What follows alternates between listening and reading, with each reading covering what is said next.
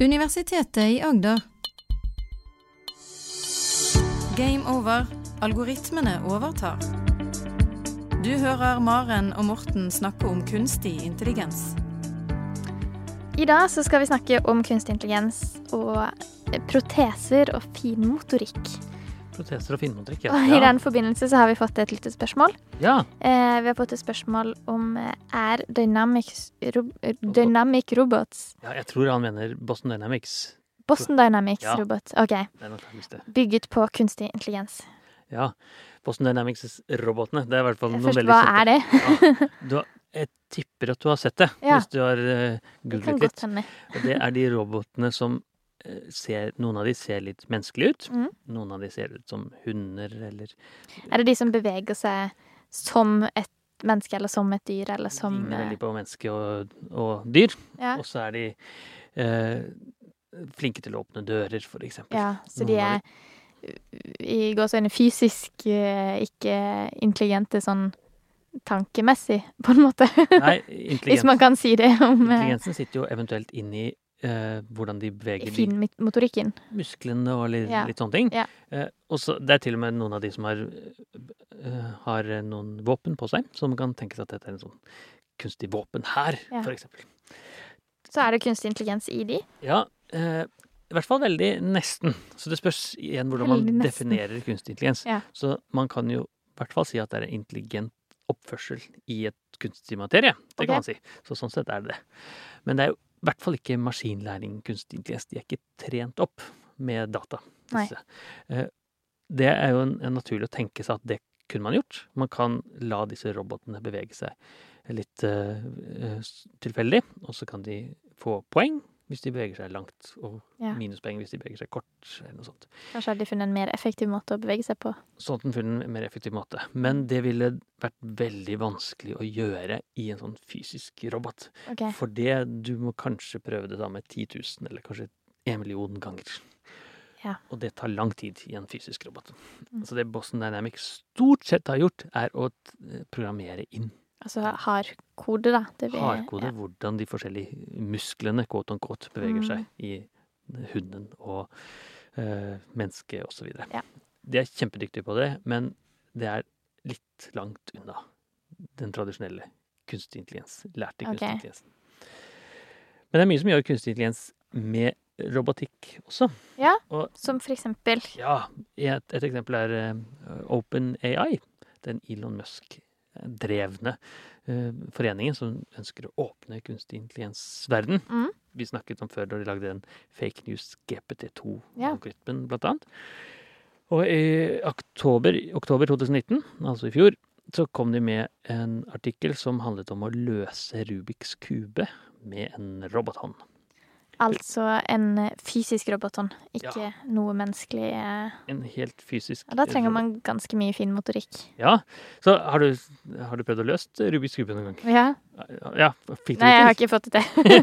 jeg har gitt opp. For det, det er jo to ting som man kanskje ikke tenker over når man løser Rubiks kube. Mm. Den ene er veldig sånn naturlig for oss mennesker, og den andre er veldig naturlig mer for maskiner. Okay. Den mest naturlige for maskiner er hvordan man faktisk løser den Rubiks kuben. Ja. Hvordan vrir man rundt på Det er naturlig for maskiner. ja, det er, ja, for det er et matematikkproblem, egentlig, Ja. som kan løses matematisk. Mm. Hvor, eh, hvis jeg skal få rød til å være på én side, grønn til å være på én side, gull til å være på én side, som det er poenget med Rubiks kube, Mm. så, så skal man da vri den ene mot høyre og den andre mot venstre, og så, og så videre. Og så videre, og så videre. Det er et matematikkproblem, egentlig. Mm. Eh, og Og den matematikken i det gjør det kjapt. Matematikken er veldig kjapt, det Men det fysiske optimale algoritmer. Ja, det Ja, fysiske. Det, finnes, Det er, det er optimale algoritmer som gjør det helt perfekt. Vet du hvor lang tid det, hvor mange trekk man trenger for å vri fra hvilken som helst løsning på Rubiks kube til man finner riktig løsning? Nei. Hvilken som helst, hvilken som helst stokking? Jo, det er faktisk bare tolv. Nei, er det sant? Ja, det er Uansett. Men de fleste bruker nok litt uh, Litt mer. Ja. Men det, du er helt riktig. Det, poenget her er egentlig det fysiske. For det, når vi mennesker løser Rubiks kube, så har vi mye finmotorikt. Hvordan vri jeg mot venstre og høyre, osv. osv. Og hvis man tenker at du skal prøve å løse en Rubiks kube med bare én hånd, Mm. venstre hånd, så må du vri tommelen litt og Ganske vanskelig å vri. Det gjør det ganske mye vanskeligere. ja. Men det er akkurat det OpenAI har forsøkt Ja. å løse. Og fått det til eh, ganske bra. Så det er egentlig en enkelthånd som da skal eh, får matet f- man ser bildet, og så er det en annen algoritme som sier for å løse den må du vri mot høyre og venstre opp og ned og sånt. Mm. Og så er poenget hvordan skal du vri disse fingrene rundt sånn at du faktisk løser Rubiks kuben. Men det hadde ikke vært lettere å lage noe annet enn fingre, eller kanskje lage to hender, da? Sånn som vi gjør det. Det har vært veldig mye lettere, og det er det mange som har gjort før. Ja, Perfekte roboter som kan løse Rubiks kube. ok, Så med to hender har de gjort før. Jeg vet ikke om akkurat med to hender, men eh, det er helt sikkert Men bare en robot som Bare en robot kan ja. som gjør det. Og det er jo eh, til og med prosjekter hos oss som har gjort det. Ja. Og gjør det veldig bra. Mhm. Eh, Poenget med å bruke en enkelthånd er å trene opp en kunstig intelligens til finmotorikk som man kan bruke til andre ting også. Ja. Holde en penn, eksempel. Mm. Hvis man eh, har behov for en protese Mm. som faktisk kan hjelpe deg å gjøre ting som å løse Rubiks kube, eller, eller skrive på datamaskin, eller hva som helst. Det er jo fantastisk. Det er det som er kan få Det er det som er ambisjonen, i hvert fall. Det viser seg å være veldig vanskelig.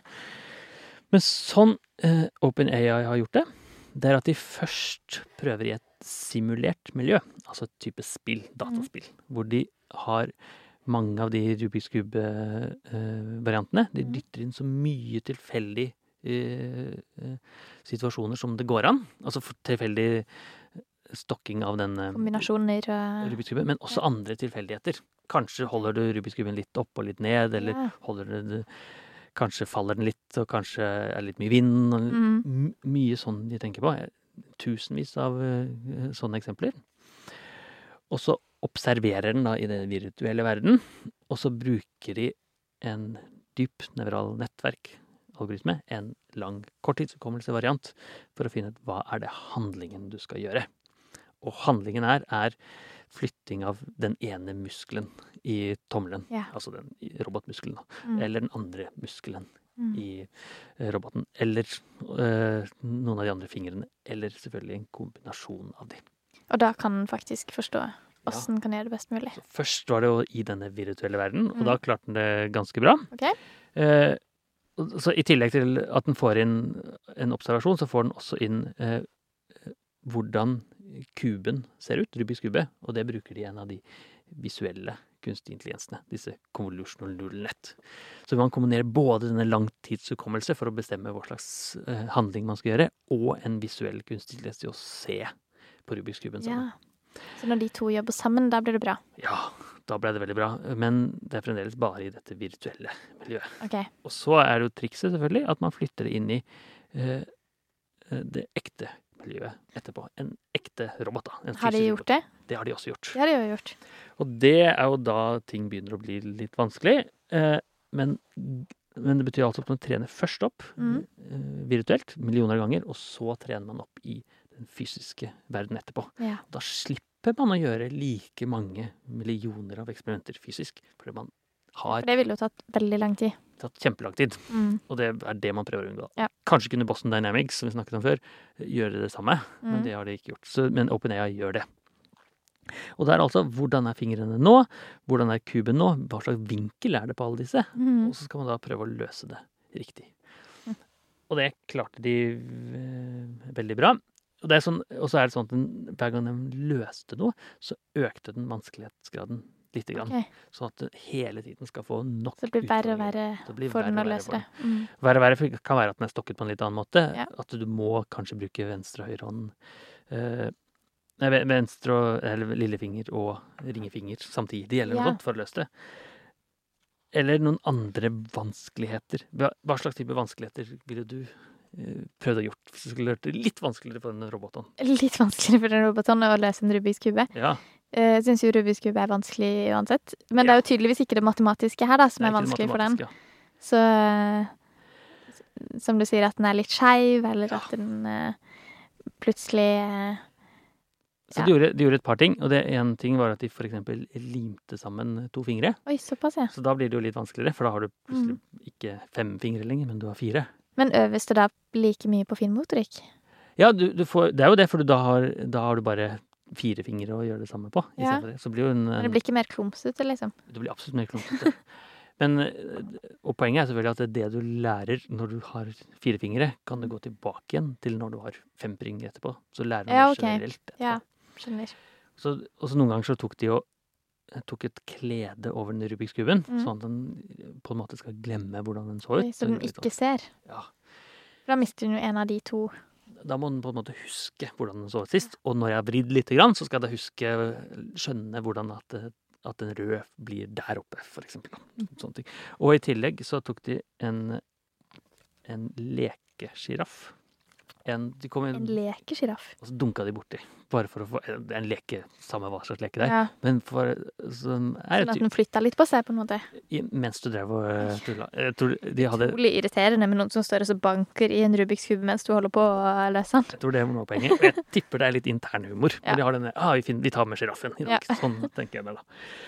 Men så viser det at den gjør det veldig bra. Eh, og den gjør det faktisk eh, Den klarer å løse dette 60% for de enkleste tilfellene, og 20% for de aller, aller vanskeligste. Så det betyr jo egentlig at den, i de vanskeligste tilfellene så eh, er den nede i eh, 80% feil. Den mister eh, kuben eh, 80 ganger, men den går jo For feil er at den mistes. Ja. Da faller den ut av hendene til Eller denne hånda. Veldig godt poeng. Ja. Feil er definert av flere ting. Mm. Belønningen som den må få, er definert av flere ting. Mm. Den ene er at den mister det, og den andre er at den bruker veldig lang tid på å løse. Ok, Så hvis den bruker for lang tid, da feiler den. Hvis den bruker to timer på å løse. Ja. Og så er det jo et eh, ikke sånn langt eh, Miste det er et av og på, Mm. mens eh, bruker lang tid er jo et relativt begrep. da. Mm. Hvis du bruker to timer, så får du mindre belønning. Kanskje får du ikke belønning i det hele tatt, enn hvis du bruker ti timer. da. Så hvis den bruker kort tid, så får den mer belønning enn hvis den det er, bruker det er sånn det er. Ok. Og, he og hele poenget er at de har Vi kan lære noen generelle ting med håndmotorikk når vi løser denne matematiske Rubiks kube-type problemet. Og dette kan vi vel bruke i andre samfunnssituasjoner òg? Ja, hvilke samfunnssituasjoner kunne du tenke deg? Sånn som eh, Nei, jeg tenkte ja, Ikke samfunnssituasjoner, kanskje, da, men vi var jo inne på dette med, med proteser.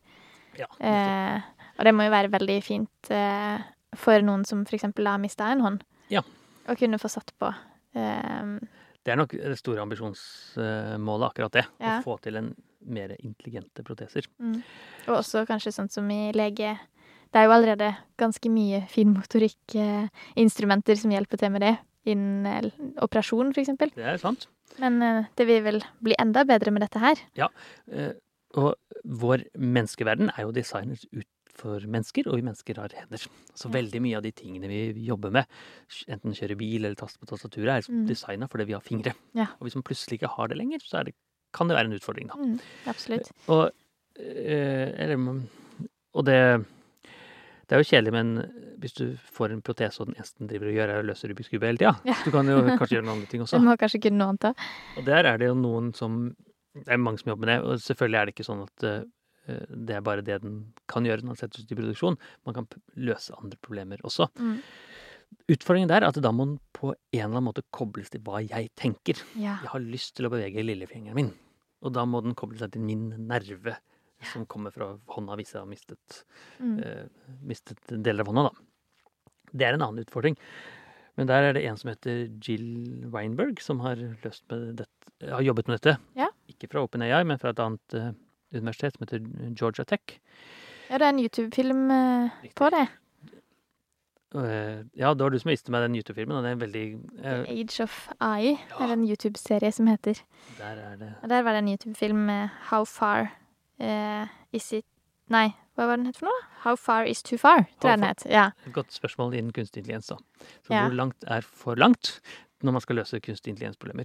Og jeg vil jo påstå at en protese er jo Mm. ikke for langt. Det er noe vi ønsker å løse med kunstig. Absolutt. Og han hadde klart å lage en, eh, en protese hvor man kunne bevege på fingrene. Det var jo ikke så fin motorist... motorist motoristisk Jeg klarer ikke å si det engang. um, det var jo ikke så bra som det eh, den Rubiks kube-algoritmen, eller eh, protesen som du snakker om. Men den klarte da å fange opp disse signalene fra armen. Og eh, bevege på fingrene, og bare det er jo ganske imponerende. Ja, for da var det sånn at han eh, Han tenkte at nå beveger jeg på pekefingeren, og så bevegde pekefingeren seg. ja, han, mannen som fikk protesen, Mm. en av de heter Jay, han fikk protesen på seg, og så tenkte han nå skal jeg bevege lillefingeren, og så bevegde faktisk lillefingeren seg. Veldig sånn eh, hardt. Ja, robotaktig, men eh, Og så er det sånn at hvis du prøver å holde et glass, for eksempel, så vil du typisk knuse det glasset. Ja. For du klarer liksom ikke akkurat å holde det riktig. Du holder det litt for hardt, eller Men hvis du holder en kopp, så kan du holde det litt hardere. Og hvis du holder en uh, liten baby, for eksempel, så skal du i hvert fall ikke klemme fart. Ikke sant? Mye sånn finmotorikk som sitter inne hos oss. Og det er jo det, en av de tingene OpenAI Mhm. forsøker å hjelpe til med. Eh, som er veldig fint. En annen ting som var litt imponerende med den eh, fra Jill Weinbergs forskning fra Georgia Tech, det var jo at eh, du trente opp roboten, robotarmen, hos ett menneske, og så kunne du flytte det over til et annet menneske etterpå. Ja. Som betyr jo at noen av de signalene jeg sender til min, eh, mine hender, er Mhm. overførbart til andre menneskers eh, nervesignaler. Så man slipper å trene opp fra bånn, da, på en måte, hver gang. Det er jo kanskje, eh, kanskje løsningen her. Ja. At vi kan ansette en eller to personer som trener opp sånne Mm. proteser, og så kan de sende ut til andre personer som trenger disse protesene. Antageligvis må de trene opp de også, men man trenger kanskje ikke å starte helt fra bånn av. Mm. For da må man ha, hvis man bruker kunstig intelligens, en million eksempler. Så det er ganske kjedelig å si kan du løfte, løfte koppen en million, En million ganger. ganger. Ja. De første 200 000 så mister du den. Mm. Og så kan man klare å holde motivasjonen oppe resten. Så OpenAI-måten var jo da å bruke det i et simulert miljø, og så flytte det over i det virkelige miljøet, så få liksom en start Det ble der. fullt så mange. Så var det ikke fullt så mange. Eh, eh, Gil Weinberg viste jo da at du kan gjøre det fra ett menneske til et annet. Så Mm. én person kan ha som jobb å trene proteser, og så kan han sende det ut til de andre. Stilig. Så det var en av de virkelig eh, fine eh, tingene som demonstrerer god bruk av kunstig intelligens. Det Mm. løser reelle problemer som vi har. Og så kan man jo si at ja, ja, hva er poenget med alle disse tekniske tingene? Hva er poenget med de spillene som spiller spill? Her brukes det akkurat de samme teknikkene, men til å løse et virkelig problem der ute. Et kjempegodt eksempel på kunstig intelligens. OpenAI har nok fått litt kritikk, og kritikken er eh, mer av en markedsføringskritikk enn teknologikritikk. Okay. OpenAI har en liten tendens til å selge inn det de har løst, veldig, veldig stort. De har en stor markedsføringsgruppe Mm. som er veldig flink til å ta disse forskningsresultatene, som er utrolig imponerende, og blåser litt opp. enda mer imponerende. Så det er nok litt uglesett akkurat nå i Ok. kunstig fordi de selger dette inn som ja, nå har vi nesten løst uh, alt som har med proteser å gjøre. Ja. Mens de har kommet et godt ja. stykke videre. Og det er jo det forskning er. Man skal flytte litt og litt og litt. Mm. Litt. Disse revolusjonerende forskningsresultatene er sjelden, kommer sjelden alene. De er bygget videre på hele tiden. Ja. Det er ikke alltid markedsførere skjønner det. Men vi forskere er i hvert fall der. Så de som har lyst til å lese artikkelen om eh, Rubiks kube, eh, kan google den fram. Og den heter 'Solving Rubiks cube with a robot hand' av OpenAI. Og den ligger åpent for alle. Den ligger åpent for alle. Dette er jo OpenAI vi snakker om, så da er den i hvert fall åpen. Det er vi glad for. Så bra. Da møtes vi igjen uh, neste uke. I mellomtiden så kan folk gå inn og like oss litt her og der, kan de ikke det? Det gjør vi. Ja. Like oss på Facebook Ja. eh, eller Soundcloud. Og like eh, oss. send oss mail, gjerne spørsmål, Ja. med, til gameover.krøllalfa.ua.no. Vi tar gjerne imot spørsmål om temaer man har lyst til å høre på. Ja. Og innspill til hvordan man kunne gjort podkasten enda bedre. Det blir vi veldig glad for. Eller ønskede gjester. Vi har jo av og til med Ja. oss noen gjester. Det er veldig interessant hvis eh, dere har noen tips til noen vi burde ha med. Ja. det er lov, det er lov å tipse om seg selv, er det ikke det? Selvfølgelig. Jeg har lyst til å være gjest. Ja, det er. Men da ses vi om to uker. Takk for det. Du hører Maren og Morten snakke om kunstig intelligens. Har du spørsmål til Maren og Morten, send en e-post til gameover.alfakrølluia.no. Du har nå hørt en podkast fra Universitetet i Agder. Du finner flere podkaster fra UiA på uia.no podkast.